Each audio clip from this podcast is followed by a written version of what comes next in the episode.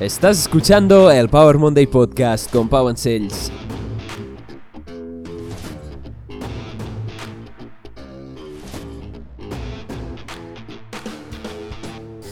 Bienvenidos a Power Monday Podcast, soy Pau, apasionada de fitness, nutrición y ciencia y por fin ya ha llegado Power Monday Podcast, tu dosis semanal de motivación y conocimiento para empezar la semana con fuerzas, ganas y una gran sonrisa. Estoy muy agradecido y me honra mucho que me acompañes hoy en este episodio de podcast donde cada lunes comparto contigo motivación y conocimiento por parte de las grandes mentes de la historia, curiosidades, biohacks, ciencia y mucho más. Y dentro de poco, entrevistas con personas increíbles. Esta semana te traigo un episodio que me ha gustado mucho grabarlo, con una frase en latín muy presente en la filosofía estoica y vamos a ver la procedencia y cómo se produce la vainilla cómo se produce la vainilla, la natural y la sintética y sus diferencias. Así que vamos a empezar esta semana con la frase de la semana. Memento mori. Memento mori. Esta frase se podría traducir así. Recuerda que tienes que morir. Recuerda que tienes que morir. Memento mori es una frase latina que significa recuerda que tienes que morir, en el sentido de recuerda que eres mortal. Está relacionado con el tiempos fugit. La leyenda dice que cuando un general romano desfilaba triunfante tras su victoria por las calles de Roma, un esclavo susurraba a su oído, recuerda que eres mortal, memento mori, memento mori. La idea era que incluso en ese momento de gran victoria el general debía recordar que era un ser humano. Hoy en día, más que nunca, es fácil perder la noción de nuestra mortalidad, de olvidar la muerte y pensar que vamos a vivir para siempre. Todos sabemos, aunque a menudo se nos olvida, que vamos a morir tarde o temprano, la mayoría de nosotros nos da miedo, nos aterroriza hablar, meditar o reflexionar respecto a la muerte y se ha convertido en un verdadero tema tabú, aunque forma parte esencial de la vida. Parece ser que vivimos como si esto no fuera a acabar nunca y en realidad lo único que tenemos es este momento, el presente. Y la verdad es que todos, tarde o temprano, vamos a morir, vamos a experimentar la muerte y esto aterroriza intensamente a nuestro ego. Memento mori es uno de los principios de la filosofía estoica. La idea de pensar que eres mortal y que la vida es corta solo es deprimente si la enfocas de forma incorrecta. Si la enfocas correctamente es una herramienta útil para poner el foco en tus prioridades y encontrar el sentido real a lo que quieres hacer. Es una herramienta que muchas generaciones y grupos han utilizado a lo largo de la historia para crear perspectiva y sentimientos de urgencia reales. Tratar nuestro tiempo como un regalo y no malgastarlo en cosas triviales o en vano. La muerte no hace que la vida no tenga sentido, no sino que la hace más intencionada. Este simple recordatorio, memento mori, nos puede acercar más a vivir la vida que queremos. No importa quién seas, cuántas cosas te queden para hacer, lo que quieres hacer en un futuro. Mañana o hoy mismo, en cualquier momento, te puede atropellar un coche, te puede arrollar un coche. Y esto es así, todo podría terminar hoy, mañana, algún día, pronto. Así que vive intencionadamente. Y no te deprimas. Memento mori no significa que vayas a morir hoy. Simplemente significa un recordatorio para que entiendas que eres mortal. Y esto forma parte de la vida, forma parte del trato. Vivir implica morir. Y si fuera por mí, serías inmortal. Yo te deseo la inmortalidad y que vivas muchos, muchos años. Pero recuerda poner el foco en lo que es realmente importante, porque la vida se puede terminar en cualquier momento. Memento mori. Dime qué te parece la filosofía estoica, cuál es tu opinión, déjame algún comentario y si te interesa la filosofía estoica te dejo en la descripción un libro, el libro de meditaciones de Marcus Aurelius, que es un libro muy interesante. Y esto es todo por la frase de la semana, vamos a por el Power Curiosity. El Power Curiosity de esta semana es cómo se produce la vainilla, la vainilla natural, la sintética y los efectos que tiene en nuestra salud. La vanilla, la vanilla. la vainilla, qué sabor y qué aroma tan delicioso. Es un sabor inigualable y inolvidable que queda perfecto con helados, bizcochos y con todo esto que nos gusta tanto a los seres humanos que es la bollería. La verdad es que la vainilla es uno de mis sabores preferidos, favoritos y me gusta mucho. Pero ¿cómo se produce la vainilla natural y por qué es tan cara? Porque cuando vas a comprar una vaina de vainilla al supermercado te encuentras que vale 3 euros y medio solo esa vaina. Así que, ¿por qué es tan cara y por qué existe tanta vainilla sintética hoy en día? Ojo al dato, la planta de vainilla es la única orquídea cultivada para su uso industrial. Se utiliza como saborizante en alimentos, bebidas y como aromatizante también en cosmética y en limpieza. La especie más conocida es la Vainilla planifolia, de la que se extrae la vainilla. Atención, el 80% de la producción mundial de vainilla se produce en Madagascar, aunque es uno de los países más pobres del mundo.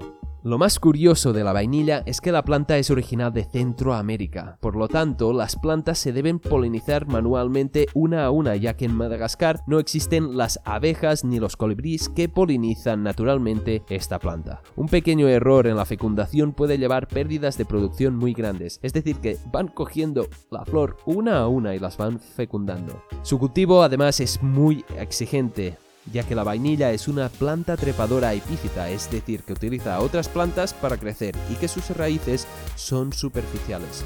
Por lo tanto, el suelo debe ser permeable y requiere un pH muy concreto. Requiere un clima tropical con temperaturas estables, mucha sombra, un 50% de sombra, y además la vainilla tarda lo que tarda un niño, eh, tarda como mínimo entre 8 y 9 meses en desarrollarse desde su fecundación. El problema es que la demanda por la vainilla natural ha aumentado dramáticamente, drásticamente, y los precios se han disparado, están por las nubes, por su difícil y lenta producción. Es la especia más cara después del azafrán, pero si te paras a pensar en la cantidad de alimentos que llevan vainilla hay algo que no cuadra, ¿no te parece? Todas las vainas de vainilla del mundo no son suficientes para dar sabor a todo lo que queremos que tenga sabor a vainilla y los humanos no sé por qué queremos que muchas cosas tengan sabor a vainilla. Para ello se han desarrollado distintas formas de vainilla sintética. La vainilla natural es cada vez más escasa y más cara. Esto se debe, como decía, al aumento dramático de su demanda, pero también a su difícil producción y los efectos del cambio climático,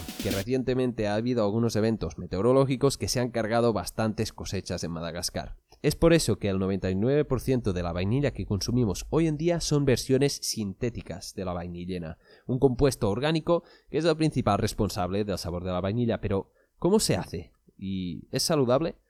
Pues vamos a ver un poco la historia de la vainillina. La vainillina fue descubierta en 1858 por Gobley, que fue el primero en aislarla y identificarla y es el principal componente de la vaina de vainilla, responsable del sabor de la vainilla. Desde entonces ya se empezó una carrera para intentar conseguir un sustituto para esa planta que en aquel entonces ya era rara y tenía un gran uso. En 1874, apenas 20 años después de su aislamiento e identificación, se obtuvo la primera vainillina sintética sintetizada a través del eugenol, un aceite esencial de plantas como el clavo. El sustituto sintético de la vainilla es la vainillina, o también conocido como 3-metoxi-4-hidroxibenzoaldehído, en idioma químico. Es un aldehído fenólico idéntico al natural y principal responsable del sabor de vainilla que encontramos en alimentos procesados, medicamentos y cualquier cosa que tenga casi gusto a vainilla pero con una forma de obtención mucho más barata. Hoy en día existen tres vías químicas de obtención diferente, pero no tienen rendimientos muy elevados. Recientemente han aparecido nuevas vías de producción de la vainillina que son más naturales, podríamos decir, que se obtienen por procesos biológicos, los cuales utilizan microorganismos como bacterias, levaduras o hongos,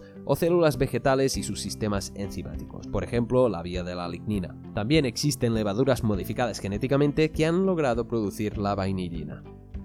Y ahora vamos a ver la diferencia de precios. ¿Cuál es la diferencia entre los productos naturales y los sintéticos? Pues bien, mientras los extractos de vainilla obtenidos de la planta natural de las vainas de vainilla rondan los 4.000 dólares por kilo, la vainillina natural obtenida por producción microbiana está en los 1.000 dólares al kilo que ya es una gran diferencia de precio, pero el equivalente sintético a la vainilla, la vainillina, obtenido a través del guayacol, un derivado del petróleo, está entre los 11 y 15 dólares por kilo. Y es esto lo que nos permite disfrutar del sabor de la vainilla en todo el mundo y en muchos, muchos productos.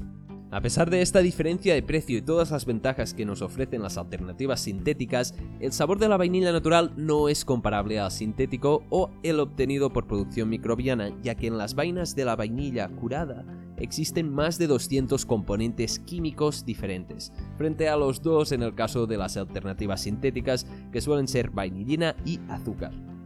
En cuanto a su efecto para nuestra salud, es completamente seguro su consumo, ya que al fin y al cabo es solo vainillina, o si es natural es solo vainilla, no tiene ningún compuesto nocivo. Lo que tal vez no sea seguro consumir y que sí que es perjudicial para nuestra salud es consumir los productos que la llevan, ya que suelen ser productos ultraprocesados, altos en azúcares y grasas no saludables, muy ricos en calorías. Y de esos que no te vas a comer solo uno. Así que cuidado con esos productos que llevan normalmente vainilla.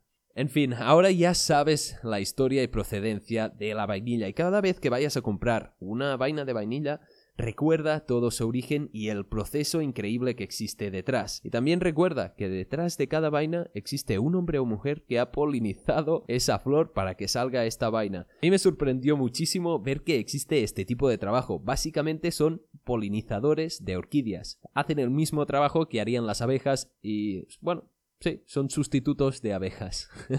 y sin ellos Hoy en día no tendríamos la vainilla, hoy en día no podríamos disfrutar de la vaina de vainilla y de todo su sabor, eh, que es delicioso, sinceramente. Y esto es todo por el Power Curiosity de esta semana.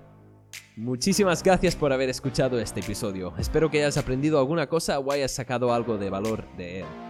Si te ha gustado, por favor, compártelo, déjale algún me gusta, dale un like, share Sharing is caring. Haz lo que puedas o lo que quieras. Cualquier acción te la voy a agradecer muchísimo y va a significar mucho para mí. Recuerda, memento mori. Memento mori. Sí, vas a morir tarde o temprano, pero te lo recuerdo para que vivas la vida intensamente. Y la vainilla es increíble, la verdad, su origen es brutal. Déjame un comentario envíame alguna pregunta en Instagram sobre qué es lo que más te ha gustado o qué es lo que quieres ver en el próximo episodio. Muchísimas gracias por estar ahí, te deseo una gran semana llena de crecimiento, motivación y vitalidad. Nos vemos en el próximo episodio.